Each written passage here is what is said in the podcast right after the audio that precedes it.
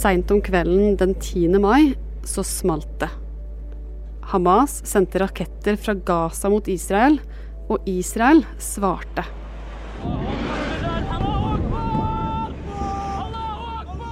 Og i dagene siden så har verden fått se barn som har mistet hele familien sin.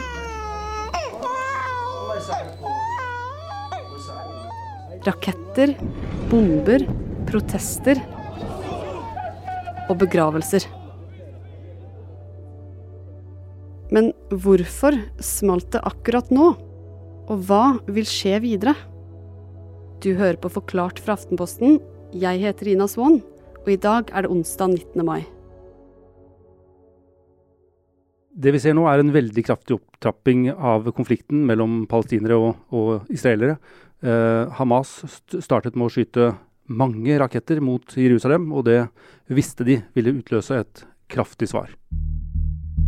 Jon Hultgren er Aftenpostens korrespondent i Midtøsten og har bodd i Jerusalem.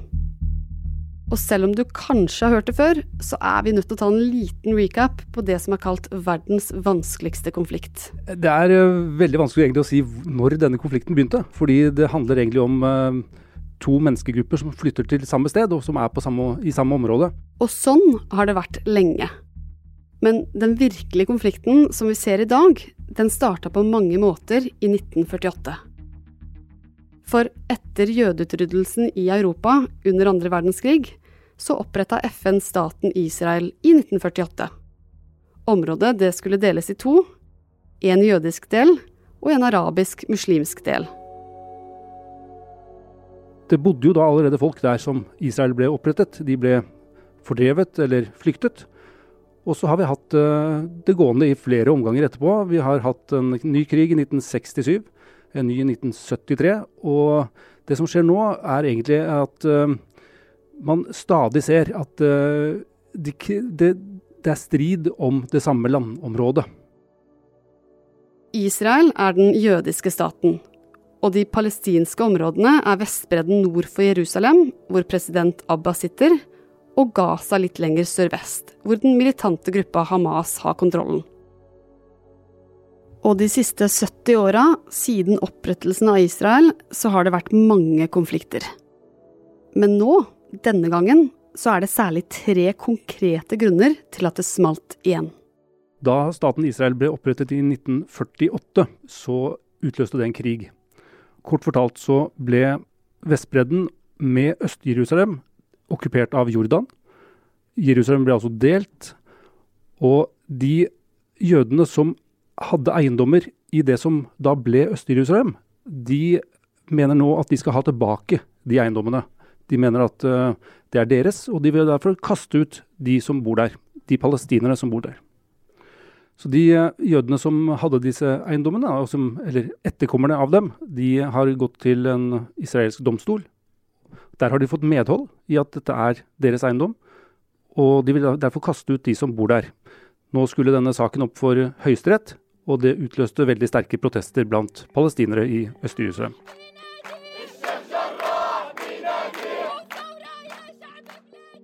Og dette har opprørt palestinerne. Ikke minst den politiske bevegelsen Hamas på Gaza, som allerede var en kraftig motstander av Israel. Men husutkastelser, det var ikke det eneste som gjorde at det smalt akkurat nå. For palestinernes president Mahmoud Abbas hadde lova at det skulle være valg i de palestinske områdene om bare noen få dager. Det har ikke vært valg i palestinske områder eh, på 15 år. Det er eh, palestinere som er snart 30, vel, som aldri har deltatt i en demokratisk prosess. Men det valget ble utsatt. Offisielt sett så er det fordi at det er ca. 6000 uh, palestinere i Øst-Jerusalem som ikke får delta i valget på en måte som palestinere godtar. Det er, uh, har også vært litt spekulasjoner på om det kan være andre årsaker. Fordi verken presidenten eller partiet hans lå veldig godt an til uh, foran valget. De kunne ha tapt litt innflytelse. Så det er grunn nummer to til at sinnet bygget seg opp hos Hamas for de lå ganske godt an på meningsmålingene til det valget. Og den tredje grunnen til at det nå kokte over, det handler om to steder i Jerusalem som er veldig viktige for palestinske muslimer. Damaskusporten og Al-Aqsa-moskeen. Al-Aqsa-moskeen er den tredje helligste eh, for muslimer, eh, etter Mekka og Medina. Det er da et veldig viktig sted under ramadan, og det er bønnene der. Kort fortalt så var det slik at uh, israelske sikkerhetsstyrker raidet uh, det området som uh, Al-Aqsa-moskeen ligger på, uh, den, en heldig høyde i gamlebyen i, i Jerusalem. Der var det veldig mange palestinske muslimer som var for å be og for å møtes og for å snakke sammen etter bønnen og etter iftar, som er, altså er måltidet som bryter fasten. Og dette utløste voldsomme protester. Det er Jeg tror Israel også vet at det å, å eh, storme Al-Aqsa-moskeens eh, område, det er en rød klut for palestinere. Hvorfor gjorde de det, da? Fordi eh, det var veldig mange som hadde samlet seg der. De hadde lagret masse steiner og brukte det som et våpen mot israelske sikkerhetsstyrker. Sammen så bidro alle, alle, disse tingene til at spenningen ble veldig mye høyere, og det kom til gateslag i Jerusalem. Men dette handler også om noe som har ligget og verket i mye lengre tid. Jeg tror at for, for mange palestinere så opplever de dette som om det et, de har et belte på seg som, som strammes mer og mer til, og til slutt så er det helt umulig å puste.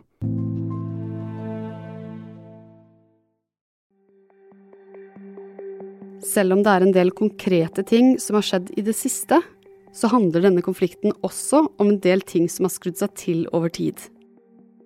Det beltet som sakte har strammet seg for palestinerne og Hamas. For det har jo alltid vært et betent forhold mellom Israel og de palestinske områdene. Det er jo veldig viktig å ha for seg at det, det er jo en okkupasjon i bunn her. Eh, Vestbredden er altså okkupert. Det samme er Øst-Jerusalem. I hvert fall hvis vi skal se, se det slik FN ser det. Det betyr at det er en, en systematisk forskjellsbehandling. Eh, palestinere som bor i Vestbredden og i Øst-Jerusalem, og for så vidt i Gaza også, eh, mener at de behandles veldig dårlig. Eh, systematisk dårlig. De eh, har ikke tilgang til å gjøre det samme som borgere i, i, i Israel kan, f.eks. En palestiner som bor i en landsby på Vestbredden, f.eks., han eh, kan ikke reise til en annen landsby uh, uten å ha tillatelse. Han må da passere én eller kanskje flere kontrollposter. Der står det israelske soldater. Og det er også en veldig spent og vanskelig situasjon uh, ved disse kontrollpostene. Det kan være farlig. Det kan være skyting der. Det kan uh, være gass. Det, I det hele tatt, de opplever det som en, en, en nedverdigende og veldig vanskelig situasjon å leve i. Og en annen grunn til at det nå har tatt seg opp, er det som heter Abraham-avtalene. Israel, the United Arab Emirates, and Bahrain signed a trilateral agreement. Signing ceremony at the White House today. Uh, what an signed what was being sold as historic peace deals with Israel. For utover høsten i fjor så var det flere arabiske land som begynte å signere det som lignet veldig på samarbeidsavtaler med Israel og med USA. Så Abraham-avtalen er kanskje ikke så veldig viktig i seg selv, men symbolsk så tror jeg de er eh, ganske viktige. Eh, det har jo vært sånn at arabiske land har vært eh, enige om at de ikke skal samarbeide med Israel på noen måte før Palestina-konflikten er løst. Det palestinerne opplever, er jo at de, ser først et uformelt samarbeid som de synes er veldig vanskelig. Og så ser de nå at det inngås formelle samarbeid.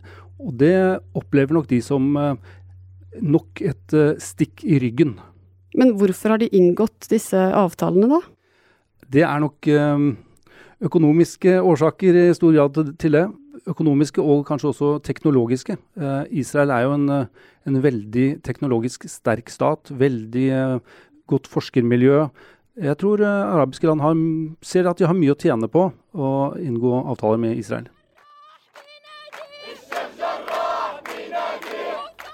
Og du husker kanskje denne hustvisten og de utkastelsene vi snakka om tidligere? det handler om mye mer enn bare den ene familien i akkurat det huset. Jeg tror at uh, mange palestinere frykter at uh, de familiene som nå skal kastes ut fra Øst-Jerusalem, at uh, denne saken i Høyesterett skal påvirke mange flere. Sånn at disse familiene som kastes ut i denne omgang, er egentlig bare noe, et steg på veien. da. At uh, det er flere og flere som kommer til å bli kastet ut, og at Øst-Jerusalem til slutt ikke har palestinere. Og på toppen av dette så kommer også koronapandemien, fattigdom og arbeidsløshet. Koronasituasjonen har uh, også rammet uh, Vestbredden ganske hardt det er jo mange som har mistet jobben. Eh, det var mange som ikke hadde jobb fra før. Og det, sånn, det bidrar også til den fortvilelsen som er. Da. Og det er klart arbeidsledighet, fattigdom ma Mange ting virker på en måte i samme retning her. Og alt det her har altså bidratt til at palestinske raketter ble sendt mot Israel fra Gaza. Og Israel svarte tilbake. Store israelske styrker rykker i kveld frem mot grensen til Gaza. Deres kontor i Gaza har fått store skader i et israelsk angrep. 100 palestinere er drept i israelske angrep. Mange har mista livet, og hundrevis av hjem har blitt ødelagt. Og så har det også vært spekulasjoner om noen faktisk kan tjene på denne konflikten. Hvis noen skal ha noe å tjene på det, så kan man spekulere på at uh, Hamas prøver å en uh, prøver å på en måte vise handlekraft, da. Uh, mens Abbas, re, re, Abbas sitter på Vestbredden og ikke gjør noen ting. De prøver kanskje på den måten å, å, ta litt hånd om Eller prøve å bli litt mer populære blant palestinere. Vi kan vel kanskje også si at Israels statsminister muligens kan sitte, bli sittende litt lenger hvis uh, pga. denne konflikten. Han eh, er tiltalt i en rettssak som pågår nå, og risikerer da å bli kastet i fengsel, rett og slett, hvis eh, han må gå av som statsminister. Ok, så hva nå da? Er det noen reelle forhandlinger eller samtaler som kan løse det her? Ja, si det. Um, det, er jo, det, er jo, absolutt samtaler, som det gjerne kalles. Dvs. Si at uh, USA er jo de som sitter med nøkkelen her. Det er uh, ingen andre som egentlig kan løse denne konflikten. Det er ingen andre som kan presse partene til å uh, slutte med voldshandlingene. Jeg tror også at Egypt prøver å spille en rolle. de har tidligere spilt viktige roller når det har vært konflikter hvor Hamas har vært involvert. Men man må nok antageligvis se etter et press, et, trolig et sterkere press fra USA, er det som kan få partene til å legge våpnene ned, i hvert fall i en, i en periode. Så Egypt har forhandla med Hamas før, men hva slags makt er det USA sitter på? USA sitter med den makten at uh, det er uh, Israels beste venn.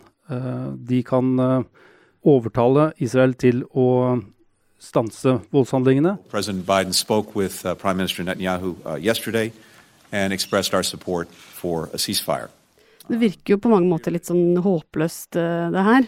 Hva er det beste og det verste som kan skje nå i ukene framover, da? Vi kan vel se på to ting kanskje som, eh, som virker eh, som et verste scenario her. Det ene er at Israel går til en full bakkeinvasjon av Gaza. Samtidig så har vi sett at striden har spredt seg i Israel også. Mange israelske byer har både jødisk og arabisk befolkning.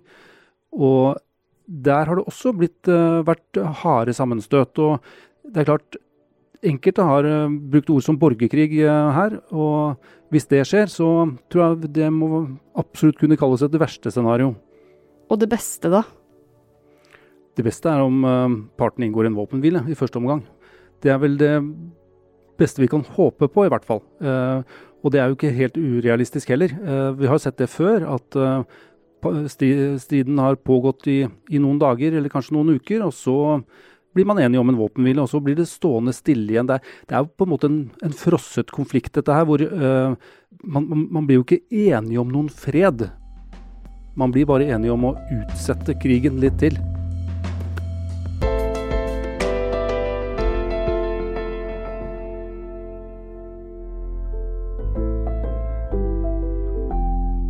Denne episoden er laget av produsent Anne Lindholm og meg, Ina Svaan. Resten av Forklart er Marit Eriksdatter Gjelland, David Vekoni, Fride Nesten Onsdag og Guri Leil Skedsmo. Dørt lyd fra AP, NRK, CNBC, Fox, Al Jazeera og Storyful.